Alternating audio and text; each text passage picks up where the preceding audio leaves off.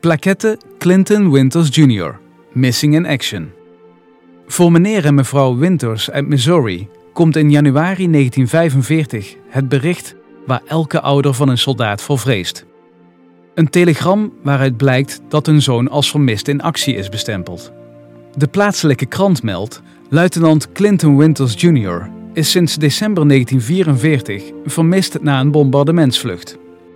Junior, zoals hij in zijn thuisdorp wordt genoemd, is lid van de Nationale Garde, maar wordt overgeplaatst naar de luchtmacht.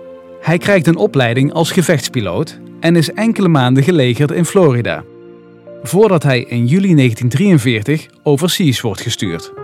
Hij laat een vrouw en een baby achter. Een ooggetuige vertelt: 16 december 1944 begint de slag om de Ardennen, het laatste offensief van de Duitse Weermacht aan het Westfront. Luitenant Winters krijgt opdracht om met zijn Thunderbolt de Duitse troepen aan te vallen en de stellingen te bombarderen in Oefalis. Het eenmotorige toestel van Winters wordt neergehaald door Duits luchtafweergeschut. Het raakt de grond in het bos bij Dalbissen.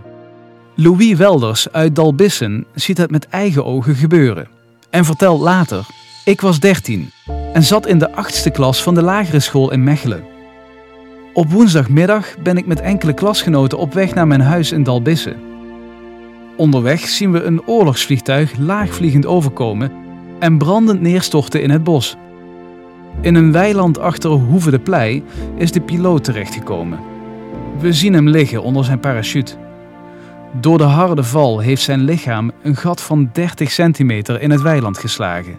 Het lijkt erop dat de parachute niet heeft gewerkt, of dat hij te laat uit het vliegtuig is gesprongen. Ik heb de plaats waar het vliegtuig neerkwam nog vaak bezocht. Het heeft er ongeveer een half jaar gelegen voordat het werd weggehaald.